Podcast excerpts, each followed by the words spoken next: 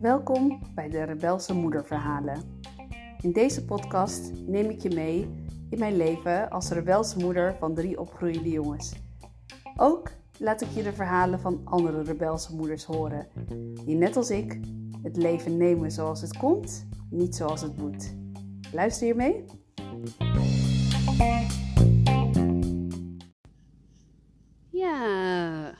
Zijn we weer met een nieuwe podcast. Uh, ik heb hem gisteren niet opgenomen, maar ik ga nu eentje doen en vanavond nog één. En ik dacht, is lekkere bels. En doe er gewoon twee op één dag. Ik tel toch ook voor twee podcasten achter elkaar.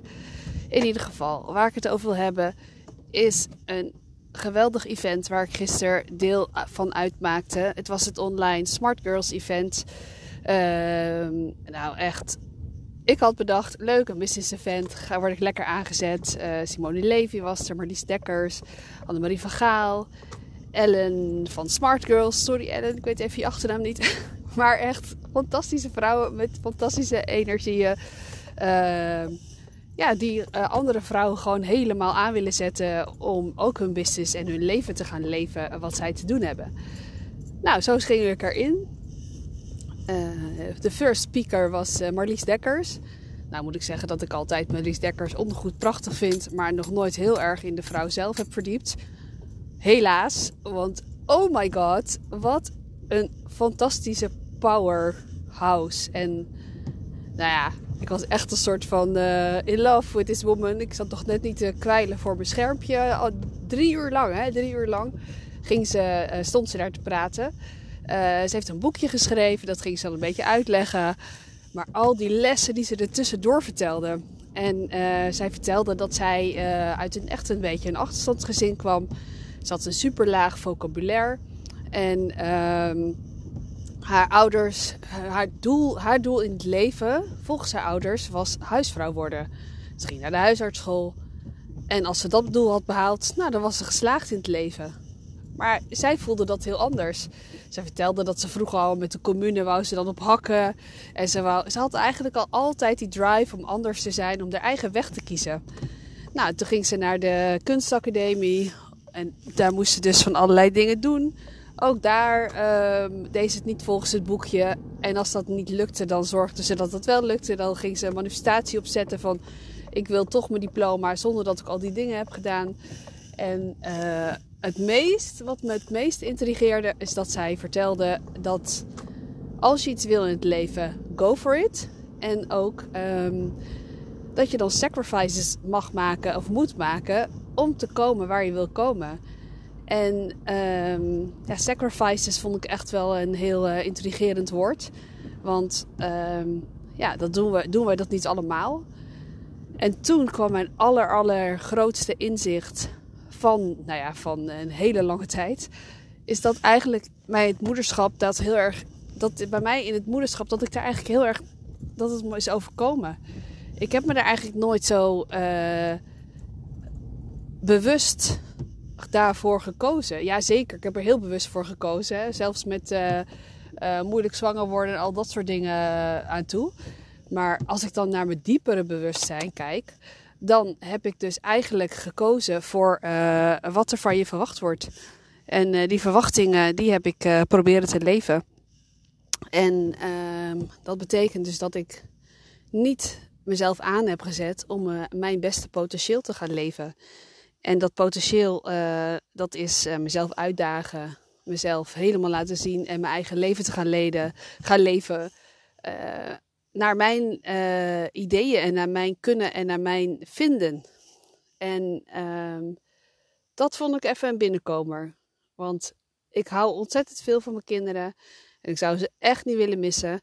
Maar man, oh man, oh man, wat heb ik. Wat heb ik. Hoe ben ik hier terechtgekomen? Zo voelt het een beetje. Want mijn leven, ja, je gaat dan, uh, als je jong bent, of word je zo'n poppenmoeder. En dan denk je, nou, dan word ik later, krijg ik mijn prins op het witte paard. En dan ga ik trouwen en dan krijgen we kinderen en dan word ik mama. En tuurlijk is dat fantastisch om mama te worden. Want hoe bijzonder is het dat jij gewoon met twee, twee mensen een nieuw mensje kan creëren. En hoe bijzonder is dat dat jij dat dan uh, mag opvoeden en mee mag lopen op die weg van dat nieuwe mensje, die nieuwe ziel. Maar je vergeet daarbij, of tenminste als ik voor mezelf spreek, ik vergeet daarbij mijn eigen ziel en mijn eigen. Ik ben dat echt vergeten. Ik, woon, ik ben opgegroeid in de Nunspeet City, op de Bijbelbelt. En uh, op de Bijbelbelt, daar trouwt iedereen op 21. En uh, daar heb je allemaal 500 kinderen op je 26e. Nee, dat is een grapje. Maar goed, je snapt wel wat ik bedoel. Dat dat eigenlijk wel eigenlijk een heel normaal verloop is van het leven wat je kent. En dat zijn toch die zaadjes die in je jeugd worden geplant, die jij dan uit te broeden hebt. En als jij die zaadjes, die geef je water, door te leven in, met de mensen om je heen. En ja, dat kiemt uit in het uh, welbekende bos. En iedereen heeft hetzelfde bos, alleen een deurtje verder. Maar wat ik zo mooi vond aan Marlies Dekkers, dat zij dus heel bewust heeft gekozen om één dochter te krijgen. En ze zeiden, ja, dat was the sacrifice of my life. Ik had heel graag meer kinderen gewild, zei ze. Maar dat kon niet, omdat ik ook die business te bouwen had en wilde bouwen. En uh, ja, dat was ook een soort kindje van haar.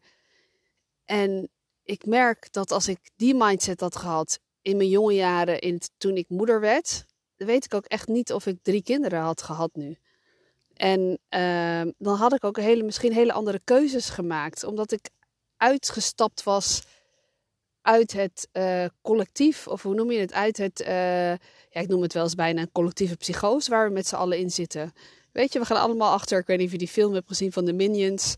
En dan uh, al die minions die gaan dan achter Big Boss aan. En dan zie je ze allemaal lopen in een rijtje. Big Boss, Big Boss, Big Boss. En ze weten niet eens waar ze naartoe gaan. Ze gaan gewoon recht achter die Big Boss aan. Want dat is wat ze te doen hebben volgens het, uh, volgens het collectief. Dus dan doe je dat. Dus het heeft mij zo aan het denken gezet. En ook uh, Annemarie van Gaal was op dit event. En zij vertelde ook zo'n prachtig verhaal die een beetje dezelfde strekking heeft en met andere woorden. Zij vertelde, uh, zij heeft heel lang in Rusland gewoond. En ze had een hele drukke baan en ze reed eigenlijk naar huis. En uh, ze, zei, ze vertelde, nou, ik was echt wel heel druk in mijn hoofd en ik was bijna thuis. En het was op een rondweg, midden op een snelweg. En het was eigenlijk heel gek, want opeens was daar een man met een kameel. En uh, die stak de weg over. En uh, toen zei ze ook van, ja, ik deed dat, ik stopte gewoon, want die man moest oversteken. Maar dat is toch niet normaal eigenlijk, een man met een kameel? Wat doet hij daar? Wat, wat, waarom is daar een man met een kameel in, zo, in Rusland? Hoe dan? En uh, toen al heeft ze besloten dat ze nooit meer zomaar aanneemt dat iets klopt. En toen dacht ik van ja, dat is een beetje dezelfde strekking. Van ga nou eens voordat je een keuze maakt zelf denken: wil ik dit nu echt? Of doe ik het omdat dat zo hult? Ja, daar heb je mij weer met zo hult. Maar we leven allemaal zo het leven van in het stramiem van naar je werk. Dit, dit, dit. Weet je, ik ga bijna. Dat is echt hoe ik dat voel. Voor mij voelt het echt een leven dat ik denk van dit moet anders kunnen. En uh, daarom ben ik ook een rebelsmoeder. En wat ik het allergrappigste vind, is dat als ik zo voel uh, dat ik mijn uh, beste potentieel mag gaan ontwikkelen, dan is dat voor een vrouw opeens heel erg bijzonder. Dat je denkt, oh wat goed. En ja, oh, ben je er dan niet op de verjaardag? Of ben je er dan niet bij dat gesprek? Zo had ik, heb ik vandaag eigenlijk uh, twee gesprekken van, uh, met, juffen van, met een juf van de kangeroeklas, waar onze kinderen in zitten. En vroeger had ik dan, me, maar ik moet werken, dus ik kan niet. En vorige week heb ik tegen mijn man gezegd, nou, woensdag is dat gesprek, kan jij dat overnemen? Ja, ja, helemaal geen probleem. Nou, dat had hij, hadden we dus gedaan. Dus gisteravond zei ik nog even, ja, denk je nog even aan het gesprek vanmorgen voor, voor Daan en Stella? ja, nee, kan niet, want ik heb een Zoom 9 van 9 tot 10. En dat, dat. Nou, in mijn vorige leven had ik gewoon gezegd, oh, oké, ik ga de juffen wel even mailen of ik ga zelf wel zorgen dat ik er ben. Maar ja, ik dacht, hey guy, ik heb het jou verteld, het zijn ook jouw kinderen, uh, deal with it. Ik ben er niet. En uh, sowieso een, een aantal maanden of jaren geleden had ik per se bij het gesprek willen en moeten zijn. Omdat ik dan wou laten zien dat ik zo'n betrokken moeder was en bla bla bla. Maar goed, hun vader is ook hun vader. Die is net zoveel uh, uh, belangrijk om bij dit soort gesprekken aanwezig te zijn dan ik. En bij een man wordt het altijd heel bijzonder. Ik weet zeker dat die juffen nu gaan denken: oh, wat bijzonder, die vader is er om dit gesprek te doen. En voor een vrouw is dat normaal. Hetzelfde als vrouw, als jij je potentieel gaat leven, je business gaat opbouwen, je, nou ja, je managersrol gaat invullen, noem het maar even op. Dan is dat echt, eh, wow, zie je die vrouw met wat een power, hè? En voor een man is dat eigenlijk heel normaal. Is toch eigenlijk raar, hè, in 2020, dat we nog steeds zo leven, dat die rollen nog zo vastzitten. En uh, dat ik daar een business event voor nodig heb om me, voor me aan te zetten voor mijn business, dat ik dat inzicht mag krijgen dat je dus echt helemaal uh, voordat je een keuze maakt mag intunen. Is dit mijn keuze of doe ik dit voor het collectief? En um, nou ja, sowieso, als je graag aan zelfontwikkeling wil doen, dan moet je gewoon ondernemer worden. Want je komt jezelf duizend in één keer tegen. Het is keihard neerknallen, vijftien keer weer opstaan en telkens een stapje dichter bij je doel. En oh my god, wat ben ik dankbaar voor deze weg. En oh my god, wat ben ik dankbaar voor Marlies Dekkers. En uh, echt, be the master of your, own, of your own destiny. Dat was haar zin. Be the master of your own destiny. Hoor je die? Voel je die? Nou, ik voel hem echt helemaal. Want ik word die master, ik ben die master al. Ik ben onderweg. En mijn destiny wordt echt fantastisch. En ik heb er zin in. En dat was eigenlijk wat ik te vertellen had over dit geweldige event. En uh, nou ja, het klinkt lekker enthousiast en warrig en whatever. Maar jullie kennen me inmiddels een beetje. Dat is wie ik ben. En wat ik jullie mee wil geven is: wees de master of je eigen destiny. Kies je keuzes die van jou zijn. Choose you. Dit was er voor nu. Uh, ik denk dat ik er vanavondje nog eentje op ga zetten. Want uh, dat moet, hè. Want anders ben ik, loop ik achter in mijn challenge. Maar ik ga even kijken of ik die keuze ga maken voor mezelf. In ieder geval, dit was hem voor nu. Heel, gauw tot de, heel graag tot de volgende keer. En ik wens je een hele fijne dag, avond, morgen. Och, nou, ik weet natuurlijk niet wanneer dit luistert. Ik ga nu uh, aan het werk. En uh, tot heel snel.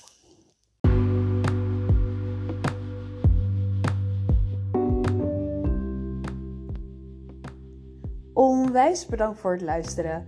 En als je nou denkt, ja Judith, ik voel jou helemaal, abonneer je dan eventjes op deze podcast.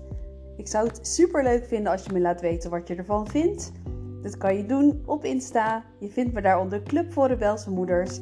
En mocht je denken, nou, ik zou heel graag willen dat dit onderwerp eens een keer wordt besproken, laat het me ook weten. Dan ga ik dat zeker doen. Tot snel!